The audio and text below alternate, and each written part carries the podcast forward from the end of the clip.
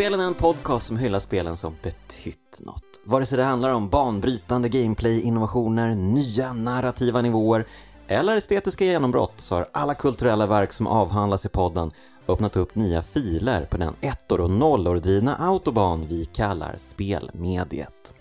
Jag heter Jonas Högberg och idag välkomnar jag tillbaka till podden Karl Johan Johansson! Alltid ett nöje att vara här. Ja, och eh, här är ju som vanligt Visby. Här är här. Och eh, det är alltid en fröjd att komma till Visby och bli, omhändertagen av Karl Johan. Han är den perfekta världen. Eh, och eh, vi har ju myst runt i staden Visby här i vanlig ordning. Ätit gott och nu sitter vi här framför poddmickarna och jag tänker lite på just Visby som stad inför det ämne vi ska prata om. Mm. För den här staden har ju blivit belägrad Just en det, gång i tiden. stämmer. Eh, kanske fler gånger, men jag tänker på den mest kända belägringen som skedde på 1300-talet tror jag. Eh, av dansken var jag här och eh, försökte mop mopsa sig. Eh, och lyckades ganska bra tyvärr med det. Men eh, det var en väldigt kort belägring, typ två dagar eller någonting. Mm. Eh, vi ska prata om ett spel som utspelar sig under väldigt mycket längre tid än så. Och som är inspirerad av en belägring som ägde rum ännu längre än så. Eh, och vi ska ju prata om ett ganska tungt ämne idag. Vi ska prata om krig. Mm.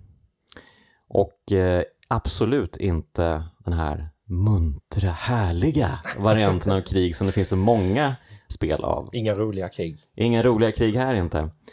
Ehm, och speciellt inte när Carl Johan Johansson får bestämma. Så vi ska prata om This War of Mine idag. Mm. Ett fantastiskt, fantastiskt spel. Men eh, det är inte där vi ska börja. Krig som ämne rent generellt i spel är ju... Ehm, det, är så, det är svårt att hitta spel som behandlar ämnet med, med den respekt det förtjänar kan jag väl säga. Ehm, det är lite som Hollywoodfilmer på sätt och vis. Ehm, jag tänker på Terry Gilliam, alltså den gamla Monty Python-snubben som gjorde Brazil, de här filmerna. Han, han, han pekar ut skillnaden mellan Stanley Kubrick och eh, Steven Spielberg en gång eh, när han berättade varför han inte tyckte så mycket om Schindler's list. Och han sa att um, Schindler's list är ehm, en film om triumf, men för han, förintelsen den handlar ju om ett misslyckande. Och, um, och det är just det här som Gilliam menar, liksom att Kubricks styrka som filmskapare är att han, han, um, han vågar skilja liksom det, det tragiska och um, meningslösa i, i krig, medan en filmskapare som Spielberg då, han, han försöker leta efter det här mänskliga elementet. Han försöker göra lite hopp, hoppfullt och relaterbart. Um, liksom, Schindler's list är ju en fläck, ljus fläck i ett hav av mörker kan man säga. Um, filmens budskap har den här Oscar Schindler som skapar sin lista så räddar han, gör den undan för, in, eh, undan för förintelsen då, eh, genom att anställa dem i sin fabrik.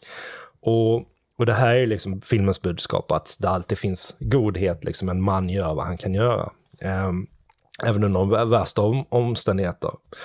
Ehm, och det gör att det blir en berättelse om, ehm, om medmänsklighet och hopp, liksom, som utspelar sig un, un, under några av historiens allra mest inhumana timmar. Och det här tycker ju inte Gilliam om, utan han, han kände att det representerar inte förintelsen så bra som, som han tyckte ja, men förintelsen är ju en total kollaps av civilisationen. Liksom. Mm. Vi, vi, hur kan vi låta sex miljoner människor dö på det här Mm, viset? mm. Och det, det är ju liksom vad den handlar om. Och, och istället så blir det, istället för att man skildrar liksom kriget som något totalt meningslöst som bara är en enda total tragedi för, för, för hela civilisationen så blir det att man försöker skruva lite så här till något hoppfullt budskap liksom som gör att ja, men biobesökarna kommer ut med lite så här liksom nyvunna kraft och lite så här värme i bröstet eller något hos dem genom Mm. sett något väldigt hemskt liksom. Just det. Mm. Ehm, och så här är det ju rent allmänt liksom i Hollywood. Ehm, men även då i spel som, som imiterar väldigt mycket filmiskt berättande. Mm. Och ehm, det finns ju två typer av krigsspel eh, ungefär. Där finns ju de som bara är maktfantaserade, skjuta på saker. Och sen finns det de som, som, som är lite som Schindler's list, li- liksom som, som har något element av att du gör något humant och något bra. Typ att du skjuter nazister eller, eller Mm. rä- räddar jorden från rymdvarelser och sådär. Men, men det är ju de två typer av... Serietidningskrig. Ja, men lite så. Det är de Mm. två typer av, av kickspel som finns och båda går ju ut i slutändan på att få dig att må bra liksom. Mm. Det, de, de använder ett så här väldigt tungt ämne för att ja, för, för att ge det lite så här liksom eh, good feeling. Ehm, Jo, ja, det finns många sådana. Ja, precis. Många, många sådana spel. Mm. Um, Call of Duty-serien Ja, Kanske. precis. till exempel. Call of Duty, Battlefield etc. Liksom. Mm, Ehm, vi har ju ehm, eh, vi har ju liksom eh, vi har ju America's Army som är ett hemspel. Och det, det används ju som en rekryteringsverktyg av, av ehm, den amerikanska militären. Mm. Ehm, För att de tycker att det är en utmärkt liksom, inkörsport där för folk som ja, men vill kämpa i Mellanöstern. Liksom, att vi, vi låter dem skjuta på, eh, på lite araber här i spelet och så tar de värvning och så blir det bra. Och det är ju ett extremt, ehm, det är ett extremt liksom, ehm, verkningsfullt rekryteringsverktyg också det här. Mm. De har ju gjort någon undersökning på det att det var väldigt, väldigt effektivt. Liksom. Det var mer effektivt än de här rekryteringarna de går ut på köpcenter och så och försöker få folk att ta värvning. Mm. Så att det, det har ju gjort mycket ont i världen det här spelet. Mm. Um, det fanns ju en, um, där fanns en konstnär och samhällskritiker som heter Josef Delap. Han, han finns fortfarande. Men eh, jag vet inte om han gör det fortfarande, men för bara några år sedan så höll han på med en sån här um, krigsprotest typ i, i det här spelet. Att han, han loggade in med användarnamnet Dead in Iraq. Och um, sen när sessionen börjar så skriver han inte, eh, eller så spelar han inte utan han börjar skriva i chatten istället. Och då har han en lista liksom som han går igenom punkt för punkt med um, namn, dödsdatum och åldrar på alla amerikanska soldater som dött i, liksom, i Irakkriget. Då. Och, um, och de skriver han in en efter en. Och um, det är ju lite spelare som till en början som reagerar liksom, varför rör han sig inte? Men så fattar de vad han gör. Och det, de flesta av dem brukar lämna han i fred faktiskt och låta han skriva där liksom. Och, um, Mm. men det är liksom... En Men- protesthandling som heter duga. Ja, precis. Och och just det här rekryteringsverktyget i spel också som, som har format väldigt mycket av, um, av moderna krigsspel. Eh, Tänker man innan så här 11 september och sånt så var... Du, du hade ju Wolfenstein och, och, så här som, som var rena nazister man sköt på. Liksom. Och sen, hade, sen hade du mer fantasiaktiga liksom, shooters med, med rymdvarelser och sånt som man sköt som i Halo och liknande. Liksom. Mm. Mm. Efter 2001 så har vi nästan bara skjutit på araber i, i tv-spel. Och, Ja, och mycket av anledningen är liksom just eh, den amerikanska invasionen av Irak och Afghanistan och, och, och America's Army som liksom eh, utgjort en template helt enkelt för, för alla moderna shooters nästan. Eh, och det är ganska sorgligt. Mm. Mm. Ja, nej, det, ja, ja, verkligen. Ehm, men det känns ju också som att det blivit en återgång nu. Att de kanske insett att eh, det, det är da- dags att eh, gå tillbaka till de lite mer oskyldiga döda nazister-spelen. För att Mm. eh, Battlefield har ju tagit liksom steget tillbaka till eh, andra världskriget. Mm. Ehm, Men de här evighetskrigen börjar ta slut nu också i, Ja. i Mellanöstern. Och det är väl lite Ja, därför att det är liksom, Ja, det att hör ihop en, det här? ja Mm. jag tror det. Det är Mm. eh, Art Imitates Life liksom. Som, som, USA har lämnat Afghanistan, därmed åker vi Ja. tillbaka till nazisterna och börjar skjuta mot dem lite igen. så. Oj, okej. Eh, Ja. Det kommer säkert komma liksom spel mer brandade mot eh, konflikten som pågår i Israel-Palestina nu också. Liksom. Det kan man Ja, det är nog ingen omöjlighet. Jag menar, det är ju ändå en konflikt också som har pågått i över, vad är det, blir det, 50-60 år någonting? 70 Ja. år kanske? Ja, Mm. verkligen. Det är jättetragiskt vad som händer här just nu. Ja. Men, ehm, men så här är det liksom med spel, att det, det, är så de har sett ut helt enkelt. Och det finns bara två krigsspel jag kan, tänka, jag kan komma på som, som varit annorlunda egentligen. Mm. Och det ena är ju Spec Ops The Line som, som var um, fantastiskt spel som vi lika gärna skulle kunna prata om idag egentligen. Mm. Ehm, Som var väldigt anti-krig. Ehm, ja, det finns väl en ganska rolig historia om det där att det blev liksom nästan oavsiktligen ett eh, antikrigsspel. Eh, Mm. eftersom de som eh, skulle göra spelet ursprungligen inte hade tänkt sig göra något Mm. sånt, eh, inte hade den visionen, men att manusförfattaren bara eh, fick lite frispel Ja, och bara, nu, nu, nej, nej, då gör vi så här. Ja. Jag har lyssnat på honom ett uh, GDC tal någon gång och det är väldigt klipsk kille det där. Mm. Ehm, men, eh, men det är det, det, är det första. Det är en annan historia också. Ja, precis. Eh, men ja, Det precis. Mm. kan vi kanske återkomma till sen. Men, men det, är det, det är ett av de två spel jag kan tänka mig. Det andra är det This War of Mine som vi ska prata om idag. Mm. Ja, och eh, det är ju utvecklat av eh, 11-bit Studios, en spelstudio som ja, men, i övrigt inte liksom eh, utmärkt sig för sina vad ska man säga, politiska utspel eller dylikt, utan de har ju gjort liksom olika typer av strategispel. Um, Anomaly Warzone Earth och uh, Frostpunk blev ju superpopulärt också. Det var mm. ju liksom en stadsbyggarsimulator typ. Ja, något åt det hållet. Um, och uh, så det här kom ju lite från ingenstans kändes det som och uh, det var ju också ett väldigt personligt projekt för många um, som jobbade på studion. För det är väl en polsk studio det här va? Det är en polsk studio. Ja. Och många av dem har ju säkert om inte själva många släktingar som påverkats av krig ja.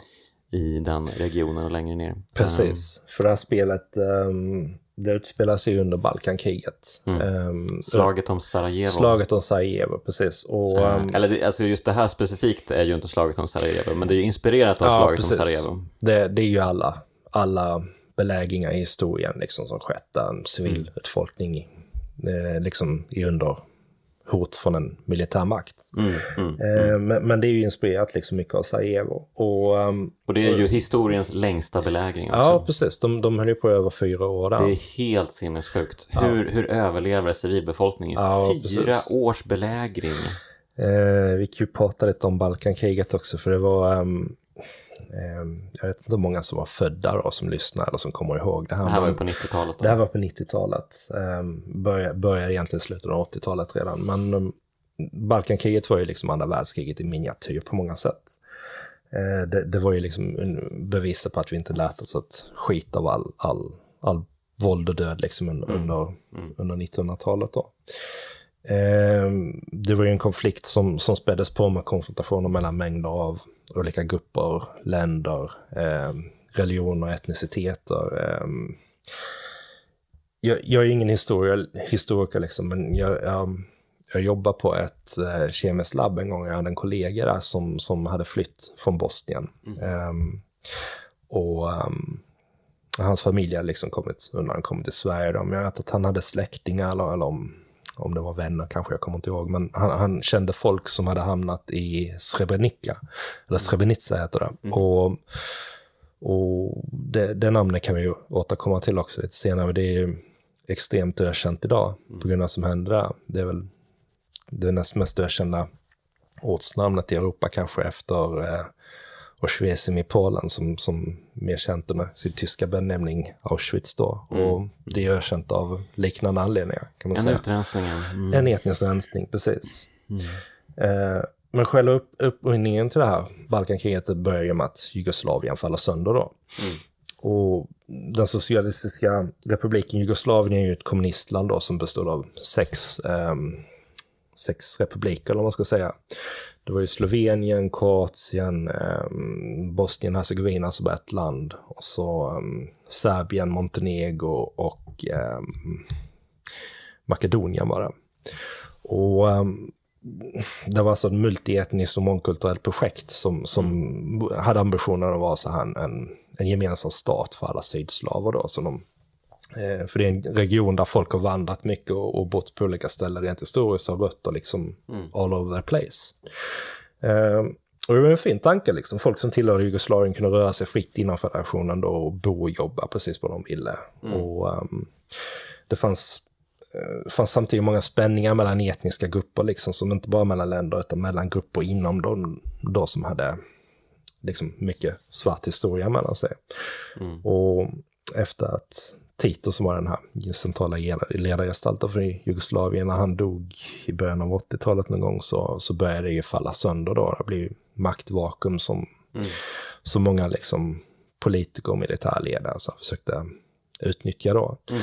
Genom att um, ja, men hetsa på liksom med rasism mellan de här skillnaderna mellan olika etniska grupper. Mm. Um, mycket svartmålningar var det. Mm, som egentligen har ganska mycket gemensamt. Ja, precis. Um, mm. Så var det ju. Men, um, men i takt med liksom att länder sig fria från Jugoslavien så utbryter ju krigen då så småningom. Mm. Då har de rikaste länderna som uh, Slovenien och Kroatien som, som bara lämnar. Men när eh, Bosnien och Hercegovina då försöker göra samma sak så, så, um, så um, uh, utbryter ett krig med, med Serbien då, mm.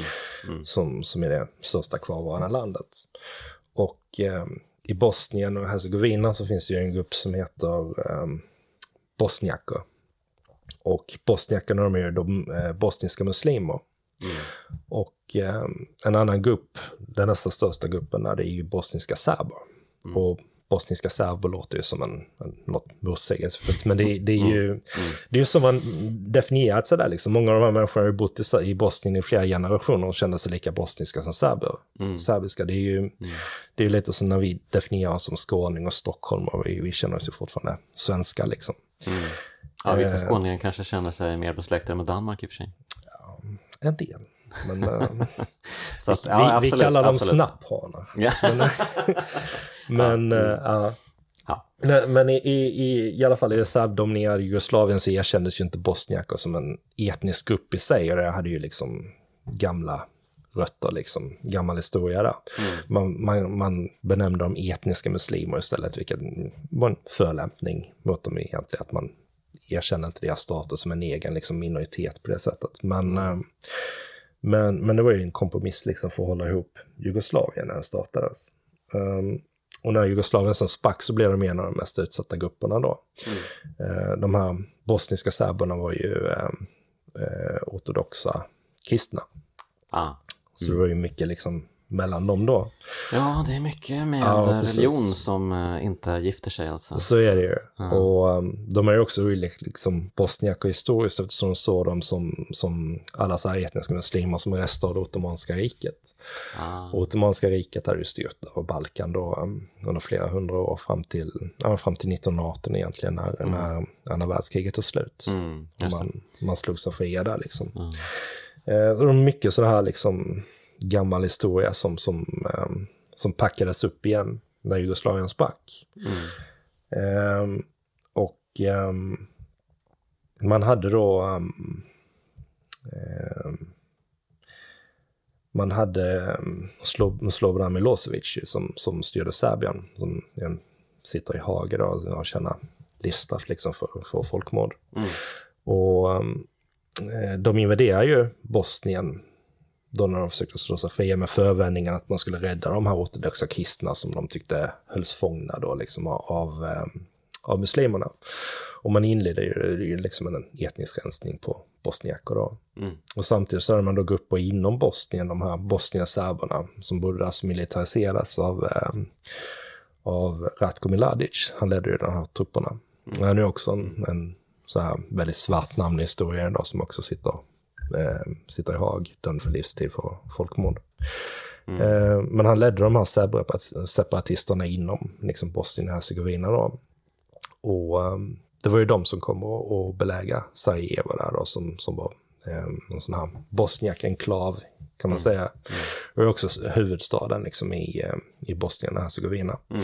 Mm. Och den ligger ju, um, ligger ju i en dalsänka omgiven av kullar, liksom, den här staden. Och de intog de här kullarna och sen, sen um, ställde de upp liksom tungt artilleri här och um, under fyra års tid så bara regnade bomberna in under civil, över civilbefolkningen där som Ja. Som liksom var helt avskurna från omvägarna. Det fanns inget sätt att få in resurser. För ingen kunde liksom fly därifrån. Mm.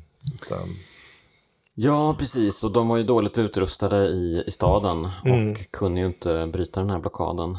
Um, och det är ju, ja, omvärlden reagerade ju alldeles för sent på det mm. här. Mm. Um, och jag menar, fyra år, hur är det ens tillåtet? Ja, det... Över 14 000 civila människor som, som uppskattas ha dött under de här åren. Mm. Liksom. Och det är alltså ja. inte, det är inte och, ett krig mellan två militärer, utan det, det är militären som, som bokstavligt talat försöker utrota liksom, en stad med mm. människor. Mm. Ja, nej, det är ett fruktansvärt, uh, ett fruktansvärt, uh, en riktig, uh, ett, en, vad ska man säga? Tragedi. Ja, ja precis, den mm. tragedin. Det låter inte kraftfullt nog, men, det, men det är ju en... Jag försökte hitta ett riktigt ja. Eh, mäktigt ord, men det, det kanske var dumt. Ja. Men uh, precis, det, mm. det är um, fruktansvärt verkligen. Och um, det har ju då lett till det här spelet. Mm, precis. This War of Mine. Ja, eh, precis. Och This War of Mine det utspelar sig ju under den, ja, som sagt inte under just den här ockupationen, men det är ju väldigt inspirerat av vad som hände i Sarajevo, men också tillskruvat så att det ska liksom passa alla ockupationer i historien egentligen. Det, mm. men, men det visar liksom hur, hur de här folket i Zaire, de kunde inte göra mycket mer än stå på se, se på liksom medan medans, um, deras stad långsamt maldes till grus av alla bomber som flög över deras huvuden. Ja men herregud, staden kan ju inte varit mer än en liksom pulver när, Nej. när de var klara. Det ser man ju i, i spelet också, det är inte mycket liksom, struktur kvar i byggnader och sånt, allt är ju utbrända skelett och betong. Liksom. Precis, precis. Um, men det, det skiljer har de, liksom, en grupp överlevare då, bor i spillran av sig och desperat försöker överleva vardagarna. Mm. Eh, det här spelet inleds ju med ett citat på skärmen eh, Mm. Ehm, som säger In modern war you will die like a dog for no good reason. Och det här är ju ett citat av eh, Ernest Hemingway.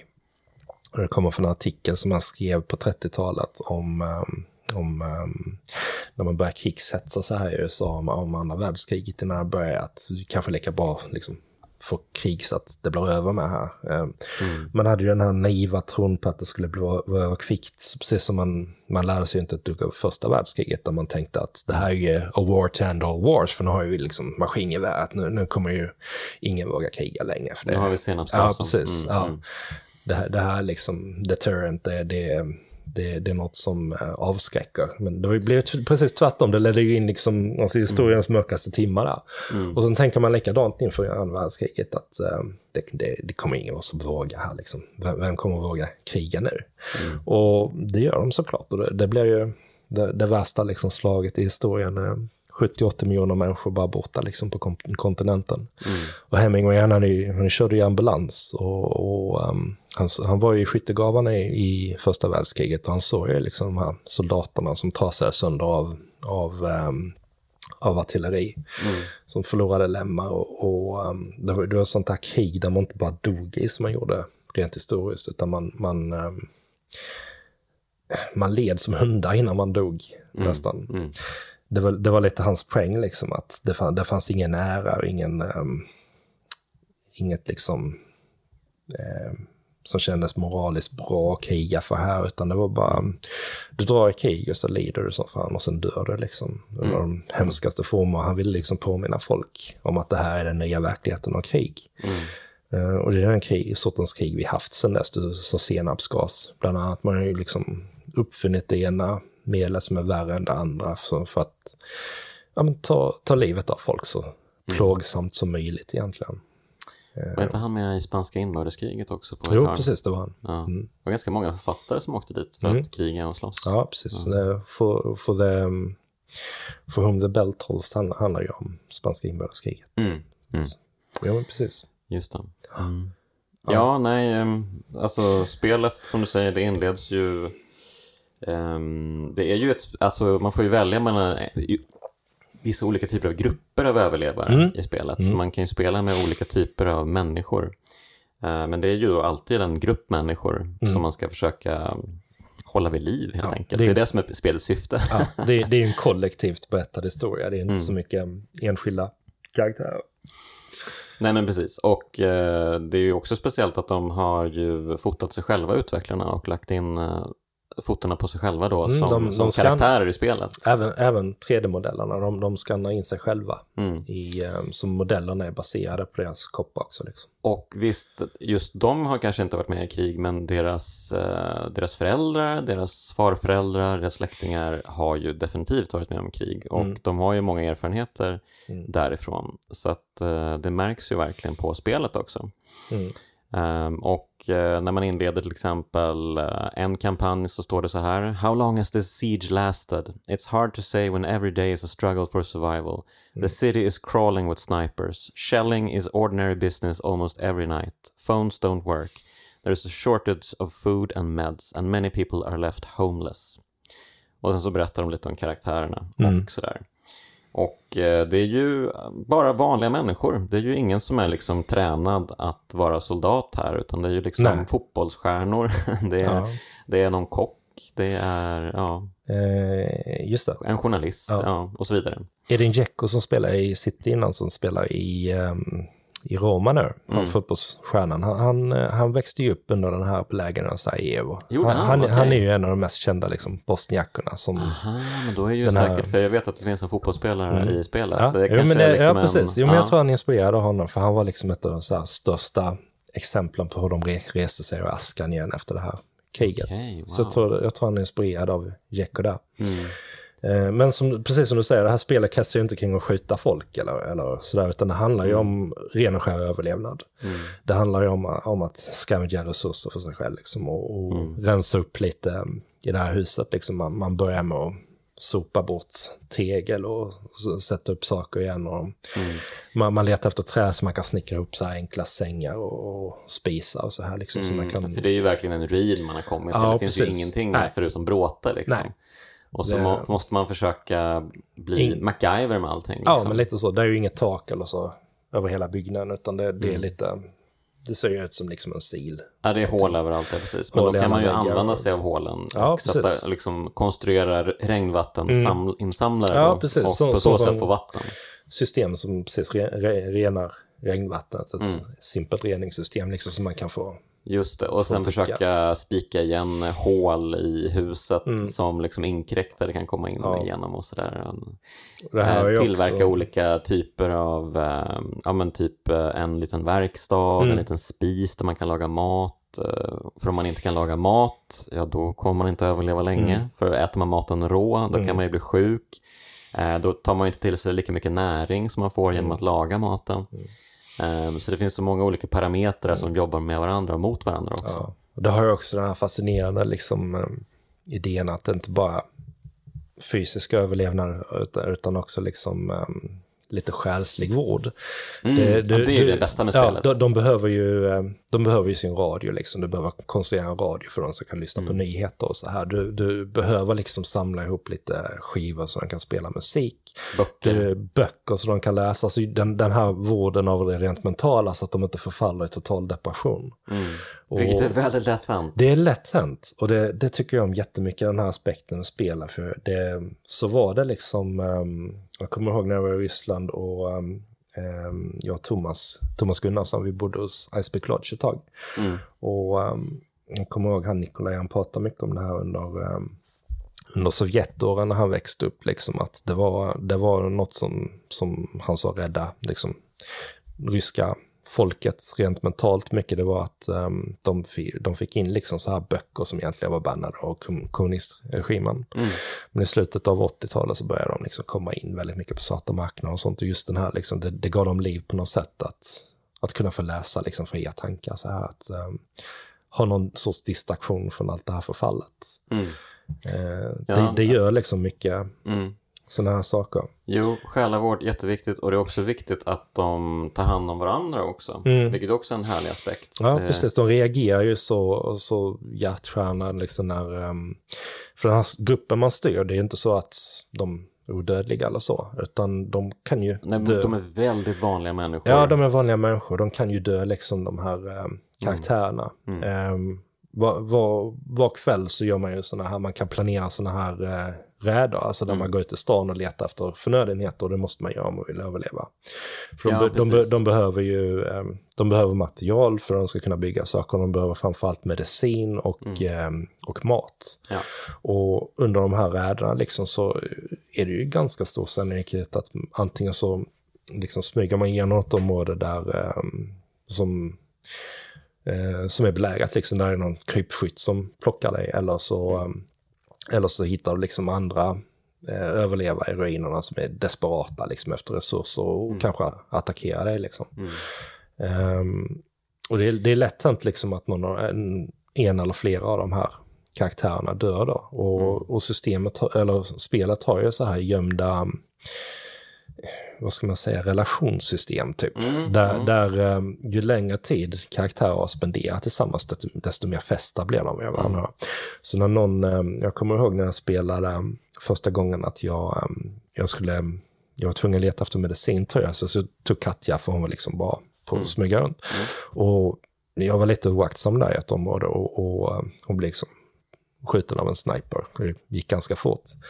Där kände jag ju, jag kände ju liksom sorg personligen, men när jag kom tillbaka sen till liksom huset så, eh, så insåg jag att Pavel och två andra som hade varit där från början med henne, de, eh, de ville inte gå upp på sängen liksom på morgonen, de bara låg kvar och, och sörjde. Mm. Det var liksom ett uttryck för sorg som jag inte hade sett i spel innan, som var väldigt, Mm.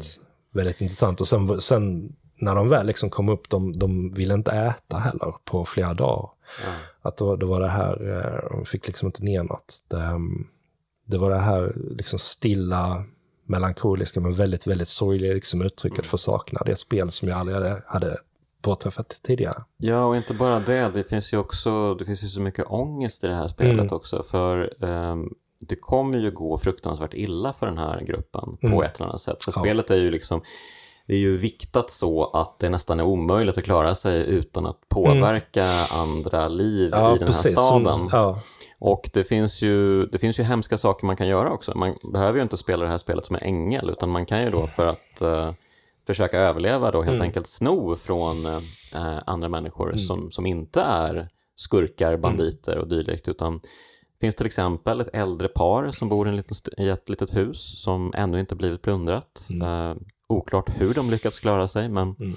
de finns där och så kan man ju liksom eh, dyrka sig in där med en liten lockpick. Ehm, och eh, när jag gjorde det nu senast, eh, det var ju verkligen brutalt alltså. Mm. Men jag, var- jag tänkte jag måste göra det här dels för den här poddens skull och dels för min grupps skull då, för att vi var alla på liksom svältgränsen. jag har en bra historia om det här paret. Ja, Ehm, okej.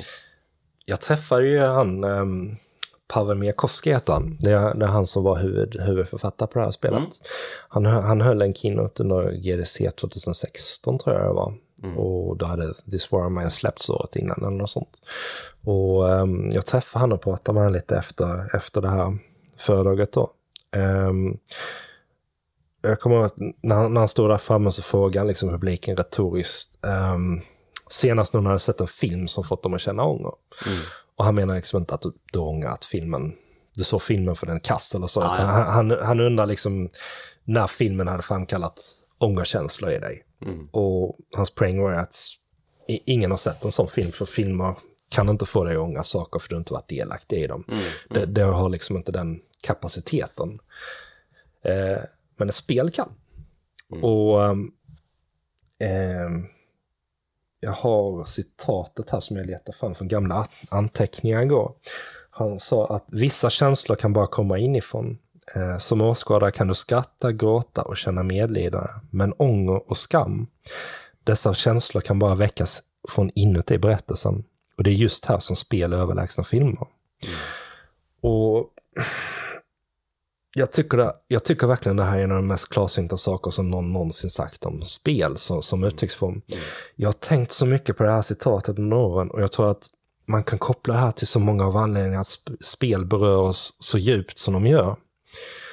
Jag minns att jag, jag diskuterade med Alfred vid något tillfälle, Alfred Holmgren då, som, som var redaktör på Aftonbladet Superplay. Vi pratade om varför The Walking Dead, alltså det gamla Telltale-spelet, varför det berörde oss så hårt. Mm. Och jag trots att The Walking Dead var ju varken briljant skrivet eller berättat egentligen. Det var, det var, mm, det var liksom, alla som spelat de här episoderna är överens om att de river upp liksom sår i själen på dig. Att det, det, det är något av det starkaste de någonsin upplevt i ett spel. Trots att valen är, är väldigt banala, att de spelar inte så stor roll liksom egentligen. Mm. Ehm, och det är inget så här extremt grafiskt spel jämfört med exempelvis Kirkmans serie som det är baserat på som är extremt liksom våldsam, utan det här var lite nedtonat snarare spelet tyckte jag i sitt våld och blod. Men ändå så, så fanns det någonting där. Och det var inte det var liksom en revolution spelmekaniskt heller. De, de, de fäste liksom en timer på ett dialogträd som tvingar er välja innan ni för annars Mm, valde spelet det, åt. Det, det. det är ju ingen så här liksom wow-upplevelse. Det är lite coolt grepp sådär, men inget sådär som, som förklarar varför det var så starkt, varför det berör dig så långt in i själen liksom. Mm. Eh, jag tror att jag beskrev säsong två av det här eh, i, i en recension i Aftonbladet som, som liksom ett hammarslag mot tinningen. Och, och svaret på varför som jag liksom bottnat i långt och länge, svaret som jag aldrig hade liksom när Alfred och jag pratade om det här. Eh, är att det påverkar mig så hårt eftersom det gång på gång skapar sådana situationer där vi får ångra våra handlingar något djävulskt. Mm, mm. Och um, det finns inga lysande utfall liksom i Walking Dead, det finns bara tragedi och olika vägar som, väljer fram, som leder fram till den. Också viktigt här att det inte liksom finns någon sparfil man kan gå tillbaka Ja, till ja. och ändra sina val. Exakt, du får äga dina konsekvenser Ja, och dina handlingar. Mm. Och genom att involvera mig liksom i beslutsfattandet så leder det till att karaktärernas överlevarskull blir min egen. Mm. Och jag äger deras självtvivel och konsekvenserna av deras handlingar. Mm. Och det här är helt omöjligt att förmedla till någon i en film eller Mm. i en serie eller i en bok. Det, det går liksom inte. Hur mycket vi än kan liksom empatisera med karaktärerna och Mm. Ja. liksom, ja, jag ska känna att jag är, att jag är karaktären så går det ju inte att vara karaktären. precis. Och det här är exakt samma anledning, exakt samma till att jag reagerade så, um, eh, så hårt på Cartlife som jag gjorde. Om Mm. de kommer ihåg det spelet. Det handlar ju om vardagen för, för um, vad ska man säga, street vendors, alltså gatuförsäljare. Så, så deras liv blev ju sämre liksom i takt med att det här spelet fortgick. Det handlar om hur svårt Mm. det var för dem att sälja kaffe och, och um, vin och bröd och så här på gatan liksom. Mm. Att ehm, man fick aldrig det här Spielberg-ögonblicket som Gillian pratar om där, där, ehm, där man sprider lite go godhet i en grå värld eller så. Mm. Utan man fick istället uppleva vilken jävla lögn den här amerikanska drömmen är. Att är liksom krossade drömmar, um, eh, och så här endstage kapitalism och liksom folk som försöker överleva dagen medan de ständigt blir trampade på. Liksom. Ehm, och ehm, jag tycker Mijakovskij har liksom en reflektion här som den, den är så ren och klar i sin logik. Eh, jag tycker det är förbluffande att inte fler in, spelutvecklare har insett det här, för här har vi verkligen liksom en sån här, ehm, alltså en grundtes för hela spelmediet Ja, egentligen. men du har verkligen en poäng här. Det Ehm, finns eh, nå- verkligen någonting här. Um, guilt games. Ja, men verkligen. Vi, vi, vi, och det är inte bara guilt games man, man kan överföra på, alltså glada känslor också. Ja, så här. Men, självklart, men liksom, vi pratar alltid om spel som interaktivitet skulle vara någon, deras liksom force majeure, det, det, deras Mm. anledning till att existera. Men, men webbläsare är interaktiva, ritprogram på en dator är interaktivt. Ja. det, det, alltså interaktivitet är så ett utslitet och missrepresenterat koncept. Jag, jag tror mycket mer att det är liksom som Mekov ska säga, spel kan producera känslor inifrån berättelsen. Och Mm. Eh, på, på ett vis liksom som andra medium helt enkelt inte är kapabla till. Och här har vi verkligen liksom kärnan i det här. Och, Mm. Ja, och det här är någonting som This War of Mine utforskar med, med sån liksom sällsam klarhet, tycker jag. En eh, brutalistisk effektivitet verkligen. Ja, För när man är inne i det här eh, huset då med, de, med det äldre paret så kommer ju eh, mannen ner och, och eh, undrar, jaha vad gör du här, varför har du kommit in i vårt hem för? Och eh, då kan man ju bara välja att, eh, okej, och ja det här var uppenbarligen fel inser jag nu, jag, jag kan bara springa härifrån. Men om man fortsätter in och börjar liksom plundra deras kylskåp och sådär så drabbas ju båda av panik och springer iväg upp för trappan in i sitt sovrum och försöker gömma sig där. Eh, och då kan man ju fortsätta in i huset och bryta upp dörren till sovrummet för att komma åt eh, medicinskåpet i deras toalett också. Och eh, kvinnan behöver ju sin medicin. Eh, för det blir tydligt sen när man kommer tillbaka till eh, sitt eh, safehouse eller till huset man befinner sig i. För då, eh, min karaktär, jag tror att det var Pavel jag spelade med, han, han är helt heartbroken verkligen.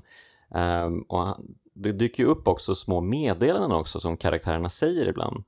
Och han säger då If that woman dies, her husband won't survive it. Och så tar han sig för huvudet och han faller ner på knä Mm, och det mm. går liksom inte att styra honom längre. Det var det här jag skulle komma till. Mm. Um, um, Mijakovskij när han pratade där på GDC, så, han tog upp just det här som exempel med det gamla paret. Mm. Och det, det är därifrån som, som spelets liksom så här moraliska system kommer ifrån. Mm. När, när, de, när de, de hade inte liksom färdigutvecklat idé om hur det skulle se ut när Mm. de började jobba på det här. Men de, de lät liksom en, en, en ung flicka provspelare här då som en del av testpubliken. Eh, publiken, liksom. Mm. Och när hon kommer till det här huset så eh, bryter hon sig in och hon rånar de här gamla människorna blinda liksom på allt de har. Hon mm, stoppar allt i ryggsäcken och så går hon härifrån. Som en gamer skulle göra. Som en gamer skulle göra, men, men hon stannade liksom precis utanför huset igen och, och uh, började fundera liksom och hon, um, hon, hon bottades liksom med att hon hade dåligt samvete på något sätt för hon hade tagit allting de ägde. Mm. Och hon frågar liksom, utvecklarna om det, om det skulle hända någonting för de här människorna. Och de säger ja, men de kommer väl dö liksom, när du, när du rånar, rånat dem på allt de har.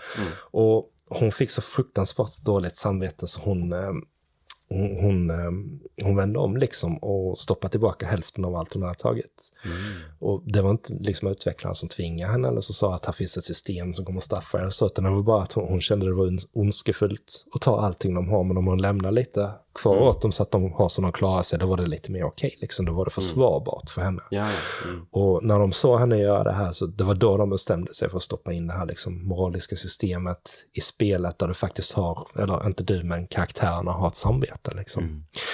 Ja, jag tycker det är så bra att eh, spelaren fråntas kontrollen också Ja. från karaktärerna. Att de faktiskt har sina egna, att de på något sätt har en egen agenda i, i spelet. Att Ja. de faktiskt har, är egna karaktärer Jo, också. exakt. Att man inte bara spelar sig själv i ett spel utan att karaktärerna är karaktärer som själva har ett samvete som de plågas Ja, av. precis, ja, du plågas givetvis, men Ja. de plågas så fruktansvärt mycket mer såklart, för de är ju mitt i det här. De är ju Exakt. mitt i det här kriget. De, de har, där finns ett system som påverkar dem mentalt helt enkelt. Mm. Det, det är ju deras samvete. Liksom. Ju, elak, ju elakare de varit i spelet, desto, desto mer dep deprimerade blir de. Mm. Eh, jag kommer ihåg att, jag kommer inte ihåg om det var Pavel, eh, det kan vara ett Pavel som, som, som jag styrde. Men ehm, det här var också ett tidigt spelminne som jag kommer ihåg väldigt tydligt från första gången jag spelade här. Eh, och det var när vi, ehm, jag lotade någon byggnad som, som skulle vara övergiven men var inte det, det var annat folk. Mm. Och ehm, en av dem kom liksom mot mig där och jag fick panik och, och ehm, tog fram en kniv liksom. Så han körde en kniv i magen på den här personen och han, eh, han dog liksom. Mm. Och sen öppnar jag ett annat rum då och där sitter folk eh, vid ett bord och de bara ignorerar mig liksom. jag Går in och ska lota. Så jag stoppar på mig lite grejer och så går jag tillbaka och känner mig som en riktig röv. och det gjorde ju Pavel också. Han, eh, det var samma sak att han kom inte upp på sängen på ett par dagar och sen satt han eh, han, han undvek det här rummet med böckerna och, och uh, skivspelaren. Han satte sig i källaren istället och satt så här med, med händerna i huvudet. Och jag tyckte det inte, där bara fanns liksom en animation för det här i spelet. Att liksom, han sitter och sörjer. Och sen några dagar senare så, så hänger han sig liksom i källaren på grund av de här skuldkänslorna. Att han vill, han vill inte leva med det här. Där. Ja, för det, var, det var verkligen en oförsvarbar handling Ja, det var ju det. Och det var, um, det var ju mitt fel liksom. Det var ju... Jag, jag tror inte han hade gjort om det, om det varit vanliga... Alltså... Om du inte påverkade Nej, om, om de var hotfulla på något sätt så hade han väl kanske kunnat då hade han leva... kunnat rättfärdiga det. Liksom. Ja, precis. Men det Jag var ju, det var, ja, men det var just det här att jag, jag fick panik och bara stack ner den här killen och så de andra, Mm. de, de reagerade liksom som, som försökte ignorera mig som jag inte var där. Så bara dö, döda oss inte, är du snäll, ta vad du vill ha. jag tycker det är intressant att han valde att undvika rummet med eh, liksom Med böckerna med och allt. böcker och Ja. kultur och sånt där. Att han, han liksom Och det var ju där han, han straffade sig själv för Ja, att eh, precis. jag är inte värdig att, eh, att ha kul eller att liksom att... eh, Jag, jag tror att det var lite för det var det, var det rummet som de andra samlades i också. Liksom. Mm, tror, Han undvek deras sällskap liksom, för han kunde inte se dem i ögonen kanske. Eller något sånt, jag vet ja, inte. självklart. Men det Ja, var ju, hur reagerade de andra med det? Eh, alltså de, de reagerar ju inte på själva liksom, att han hade dödat någon annan. Nej, men, men, men att han tog självmord sen. Mm. det, det påverkar ju hela gruppen liksom. Mm. Och det var, det var mycket där liksom, um, de här typiska grejerna, att de, de vägrar äta och sådär, att de, de börjar svälta lite och, och, um, Mm. och så. Men um, Jag är lite tve, jag är lite så här, jag har lite, mm, jag vet inte om det är bra eller dåligt att de här liksom eh, textrutorna dyker upp, att de här karaktärerna går runt och säger liksom saker om sina känslor. För dels så pratar ju han då när han kommer tillbaka från den här exkursionen med det äldre paret om att eh, det där var ju fel gjort, eh, kvinnans mediciner, eh, hon kanske inte kommer att överleva. mm, Ehm, och eh, när man har rånat oskyldiga så kan han, eller den personen som har gjort det, säga “We're all ruthless robbers now, there's no point in pretending we're not”. mm, Ehm, och det, kan, det är ju väldigt så här in your face också med, med vad de känner och så. Um, och blir kanske lite övertydligt. Uh, men det är också, jag tror också att det är viktigt att de faktiskt säger någonting mm. om hur de känner sig. Jag tror det där är ganska autentiskt exempel på hur folk reagerar också när de, när de, um, mm. när de gör sådana här saker. Liksom, när de gör något riktigt hemskt och går över gränsen så blir det lättare att göra det igen. Mm. Då får man rättfärdiga för sig själv någon gång att nu, nu har jag redan gjort det här. Liksom. Mm. Det är lite som um, som, som Macbeth liksom i Shakespeare. Um, eh, Macbeth handlar ju om den här generalen som, um, han får en profetia av tre häxor att han kommer bli kung av Skottland och från det ögonblicket så gör han ju allt för att uppfylla sitt öde liksom. Mm. Han, um, han tar ju livet av den här gamla kungen då, Duncan, och så tar han tronen för sig själv och så tvingas han ju mörda gång på gång igen för att sopa igen spåren efter sig och allting blir ju värre. Mm. Där utbryter inbördeskrig och, och um, och allting får avsätta han förvandlas liksom så här, tyrann. Han står ju och reflekterar över sina handlingar vid något ögonblick. Um, och, och um, ser sig själv som han står i en flod av blod. Mm. Och han ser sig om sig lika långt till båda ständerna. Och han säger någonting i stil med... Um, vad är det? Han säger, jag har bara läst den på engelska, jag kan inte svenska citatet, men han säger I am in blood, stepped in so far, that should I wait no more, going back would be as tedious as going over. Och, Oj, det är väldigt roligt att han väljer ordet tedious. Ja, precis.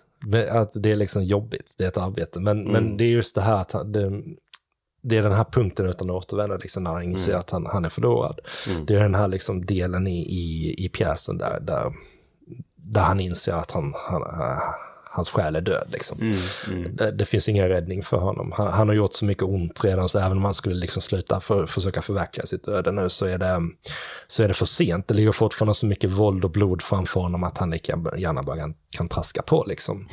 och, och det här ger ja, han ju, ja. det värsta är ju att det här ger han ju ny kraft liksom, att, att fullfölja sin, sin ambition i pjäsen. Mm. Eh, och det är så här som väldigt många fungerar människor rent allmänt. Att de, mm. de rättfärdiga, när de väl har gjort något, att de går över gränsen så blir det lättare för dem att rättfärdiga det igen. Mm. Man tänker att nu har jag redan gjort något oförlåtligt här så nu kan jag lika, lika gärna liksom fullfölja mi, mi, mitt arbete här för annars så skulle det liksom vara höjden av hyckleri att eh, nu har jag dödat för ingenting. Nu är det lika bra att fortsätta döda för ett syfte istället. Mm. Och så här funkar liksom mentaliteten hos folk som, som, ehm, som gör sådana här saker som, som, som liksom sådana här oförlåtliga handlingar som, som, um, ja, men som i fallet med Srebrenica då i, i Bosnien och Hercegovina. Det var ju en stad som stod under, under FN-beskydd. Um, därför att bosniaker, bokstavligt talat bosniaker speciellt, skulle kunna fly dit och, och vara mm. skyddade. Mm. Men eh, Miladic och hans eh, serbseparatister, de kom ju dit och intog staden. Eh, trots att det var eh, FN-styrkor då som beskyddade den. Och eh, när de, eh, när de, eh, det finns en film som heter Quo Aida som kom här om året som handlar om det här. Det är en jättestark film som, som folk borde se. Men, men när, när de kommer in där då så, så säger de att de ska låta folket liksom fly på bussar då som de organiserar. Mm. Men när de lämnar de här familjerna så separerar de ju män och, och unga pojkar då från sina familjer och tar dem sedan av för att eh, de, de, ska förhöra dem lite extra och se så att inte militären och sånt mm. eh, mitt bland dem.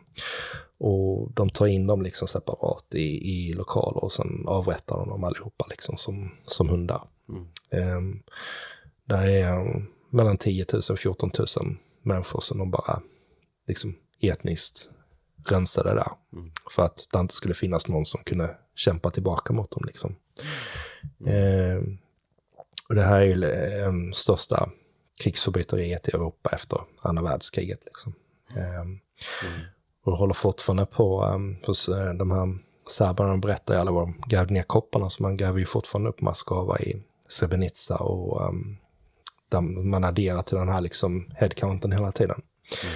Jag tror senast fjol tror jag att man hittade två nya med ett par hundra människor i. Liksom. Som... Ja. ja, nej men eh, för att återgå till spelet. Mm. Um, för att mitt i allt det här mörkret så finns det ju också ett litet hopp. Även om det är absolut ett spel om mm. just mörkret jo. så finns det också hopp i spelet i och med att eh, man faktiskt kan hitta en gemenskap med de andra Jo, karaktärerna. exakt. Och eh, de kan ju faktiskt hjälpa varandra. Ehm, för de kan ju gå fram och krama om och eh, försöka finnas där för varandra. De kan förenas om det finns en spritflaska tillgänglig. Mm. Så kan de försöka dricka för att glömma sina bekymmer och faktiskt ha en, Mm. en trevlig stund på kvällen kanske.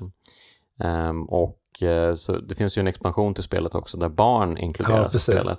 Det är ju så fint att de gör en expansion med barn, liksom som introducerar The Little Ones, eller vad det heter. Mm, exakt. Det, det är ju, det är sånt, jag, jag gillar sådana här antispelsgrejer så mycket. Mm. För barnen är helt värdelösa liksom när, när de kommer in, i, i, alla, fall- i alla fall i början. Alltså de, de kan ju ingenting. Ja. De kan ju inte luta, de kan inte försvara sig eller någonting, utan du måste passa upp dem konstant och vårda dem så att de inte dör eller blir deprimerade och så här. Och det är jättelätt hänt. Ja, det är jättelatent, så du måste verkligen liksom ge dem attention dygnet runt nästan. Ja, och du, sen, må, du måste leka med dem, du Ja. måste ta hand om och sen dem. efter ett tag så kan de göra så här alltså, rudimentära sysslor som att vattna växter eller, eller, Mm. eller fixa regnvatten. Så, men men liksom de, de, är, de är bara i spelet för, för den här liksom mänskliga kopplingen. De, Mm. de introducerar inget värde rent spelmekaniskt till dig, utan snarare en utmaning, alltså i form av bördan som de är. Mm. Ja, men det är ju realistiskt. Ja, det är jätterealistiskt. Självklart fanns Ja. det ju massvis med barn Ja, och de det, här. det ger ju spelet en dimension som är väldigt vacker tycker jag. Det, Och jag gillar ju då också att utvecklarna, Ele- 11-bit Studios, också är lite av en människa. De, Mm. de, eh, man kan inte få barn dödade i spelet. nej, precis. Det, Utan istället så kommer ju Röda Korset och hämtar barnen. Ja. Om du varit en douchebag liksom. Ja, det tycker jag väl ändå är en bra avvägning i ett spel. Ja, men, säga. äh, För det, det, vi behöver inte gå hela vägen ner i Nej. mörkret. Nej.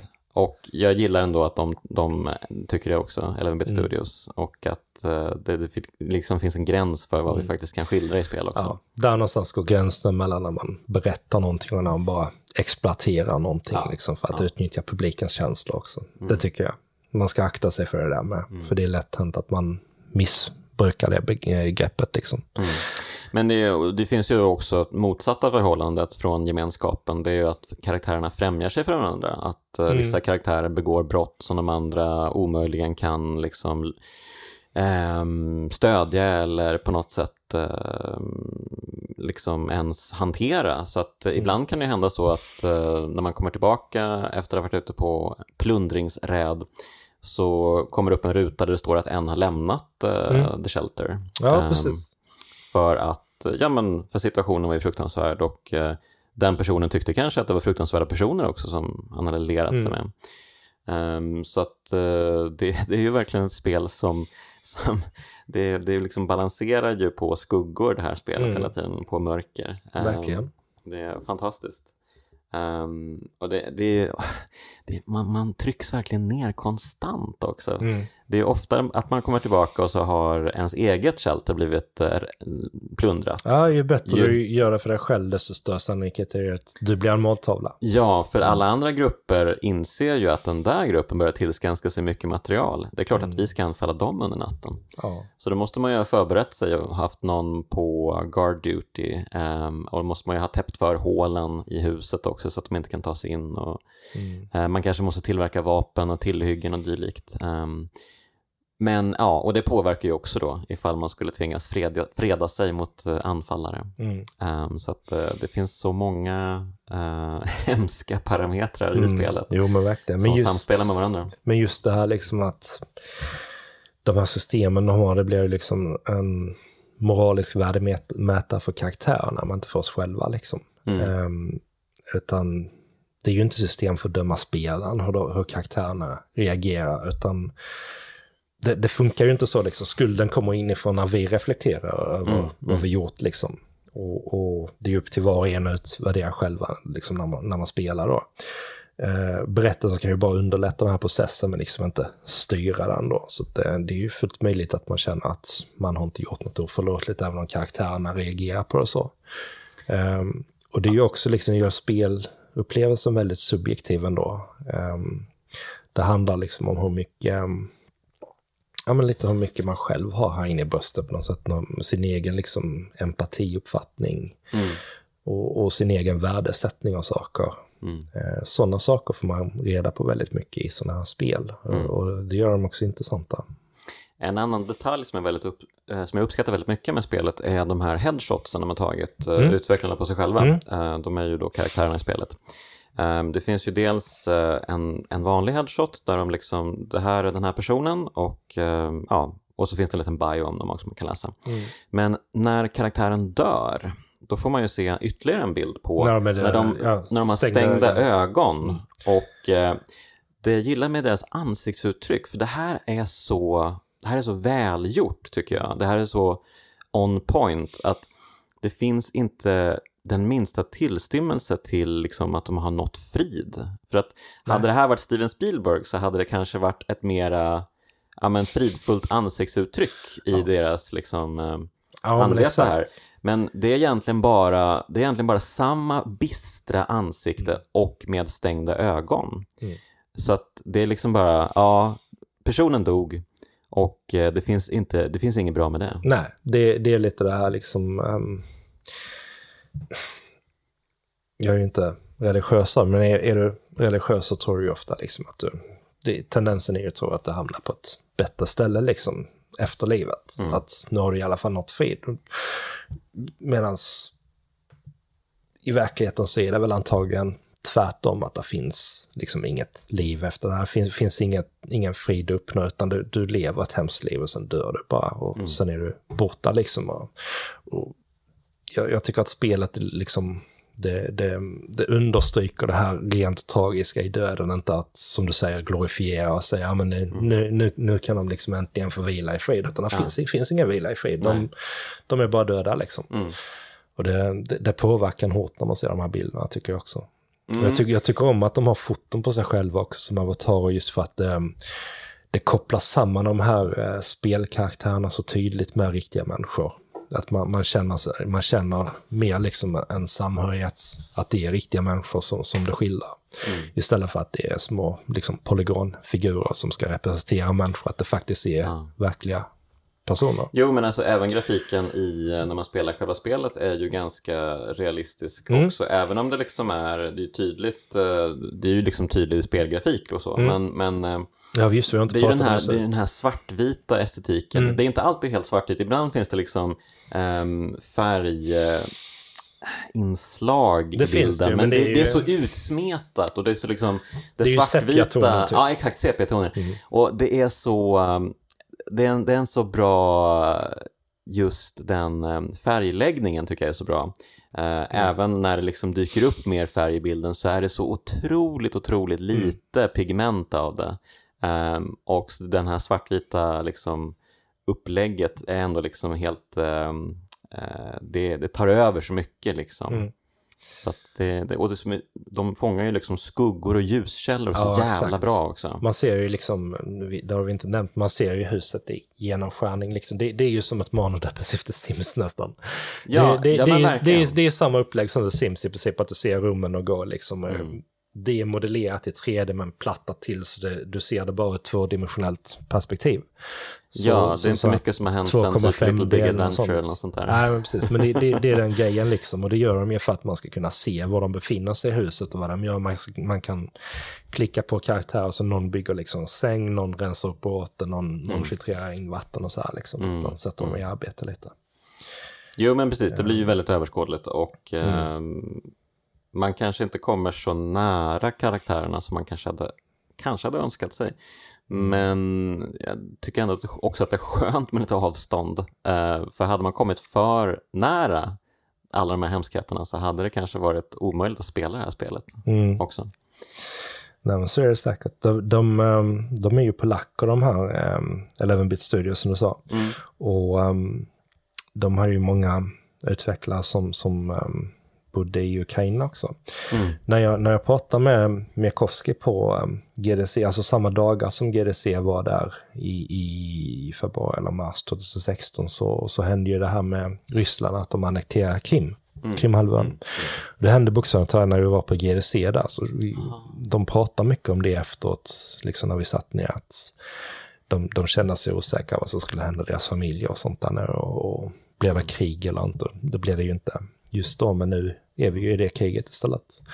Um, många liksom familjer som har växt upp både under Sovjet och under sovjetiskt förtryck och, och så här liksom som, um, um, som, som liksom försökte stoppa in bitar av det här i spelet. Mm. Och, och, och det gör att det, liksom, det fortsätter liksom reverberera så här idag. Att det, det känns ju oerhört aktuellt nu när man tittar på vad som händer i, i, i Ukraina. Liksom. Mm.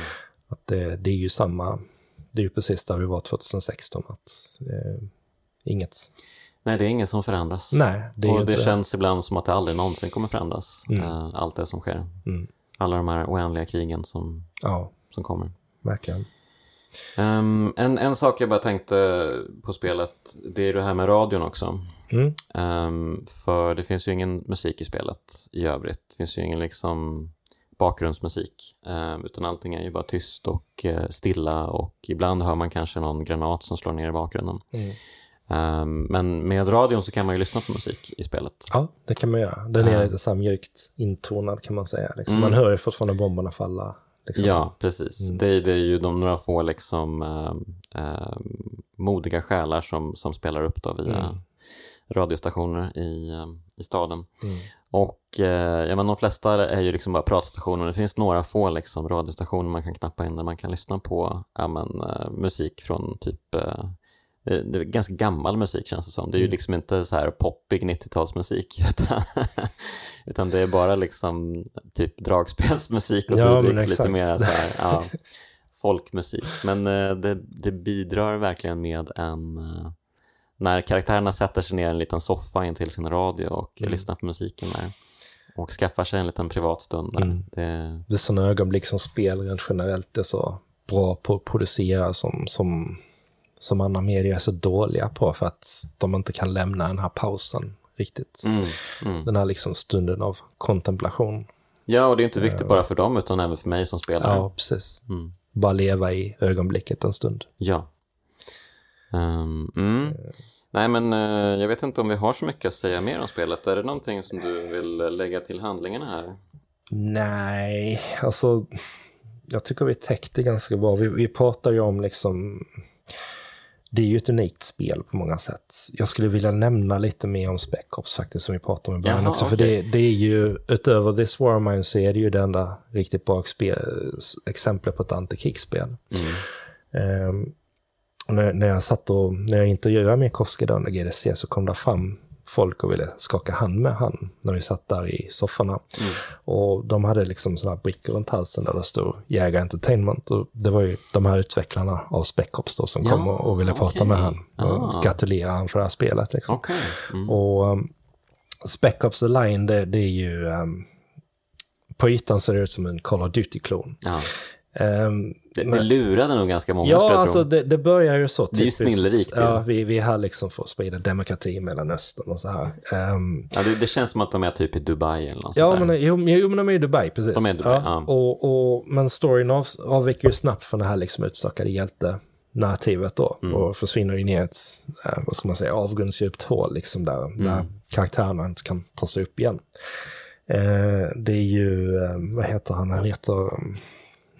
Martin Walker tror jag han heter, den här soldaten som man spelar som. Okay. Nej, och um, jag tror han heter Walker i alla fall, jag är osäker för namnet. Mm. Men mm. han leder en insatsstyrka då i ruinen av Dubai som du säger. Mm. Och, och um, uh, i, det har skett någon sorts katastrof där då som de här går in det här mm. teamet då. Mm. Och dö, deras väg då kantas ju av döda soldater. De ser de här kopparna och de reagerar ju autentiskt på det här. Och, liksom så här patriotistiskt tänker um, mm. um, Det här uppdraget förvandlas snabbt till en räddningsaktion istället. Att man vill se liksom om det är, det är, det är fler överlevare. Liksom mm. amerikanska överlevare som man ska gå in och hämta då. Och um, eh, de reagerar ju autentiskt på det här, liksom, karaktärerna, och, och, blir mer och mer rädda och uppeggade samtidigt mot liksom, den inbillade fienden. Då. Mm. Eh, mycket så här... Um, ja, men, ja, men liksom jargongen, just det här att man, man äggar upp sig mot muslimer liksom, mm. Um, mm. Och, och araber. Och um, det här kulminerar ju så småningom en scen liksom där, där Walker, han, han, han är så ivrig att rädda potentiella liksom, amerikanska liv att han, eh, han ger ord om att bomba en plats med, med vit fosfor. Mm. Och vit fosfor är, är ju En sån här liksom, bland det värsta man uppfunnit. Den, den skär ju igenom allting liksom. Den, den går igenom stål och, och byggnader och, och bränner upp folk levande liksom. Mm. Och smälter deras kroppar bokstavligen talat. Och så, som ett resultat av den här liksom, attacken som han bordar så dör ju 44 oskyldiga människor där. Mm. Eh, bland de liksom flertalet kvinnor som liksom dör med små barn i sina famnar som de försöker skydda. Så man ser att de sitter liksom askfigurerna där sen och, och är helt sammansmälta och deformerade. Liksom. Ja. Det är en hemsk syn. Och det här blev ju liksom början på slutet för Walker då som, som, som inte klarar av att hantera den här katastrofen. Mm. Och um, han, han förlorar ju förståndet och det är ju spelet handlar om.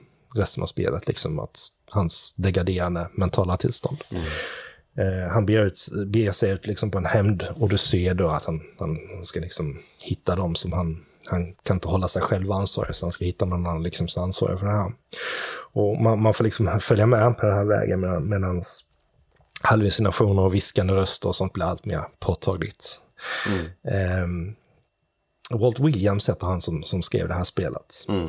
Och han, han har pratat liksom mycket om att han vill avs, avslöja krigsspelens motivationer för att vara med liksom i och med det här, alltså rent nonsens. Mm. Eh, att leva med konsekvenserna i sina handlingar är, är mycket svårare än de, de utger sig liksom för att det är. Och um, jag tycker att det löper en röd linje mellan spel som Spec Ops och This War of Mine. Um, och jag tror inte att det är en tillfällighet att uh, de dök upp när de gjorde, de kom ungefär samtidigt, de här spelen. Mm. Och um, det kändes som lite där uh, counterkultur, eh, counterculture um, um, re reaktioner liksom på, på, på den krigspropaganda som vi matas med i spelvärlden eh, under två konsolgenerationer där. Och sånt liksom att mm. Nu var det liksom den här motreaktionen som kom lite grann att men vi behöver kanske nyansera här. Vi behöver fundera på vad det är vi egentligen gör med de här spelen. Mm. Um, och det är, um, de, de är väldigt ovanliga och, um, och det känns som de behövs idag ännu mer än de gjorde, gjorde, gjordes när ja, det var länge sedan vi fick ett sånt här spel. Det var det. Mm. Och det är som sagt, det är de enda två bra exempel jag faktiskt kommer på som är i, mm.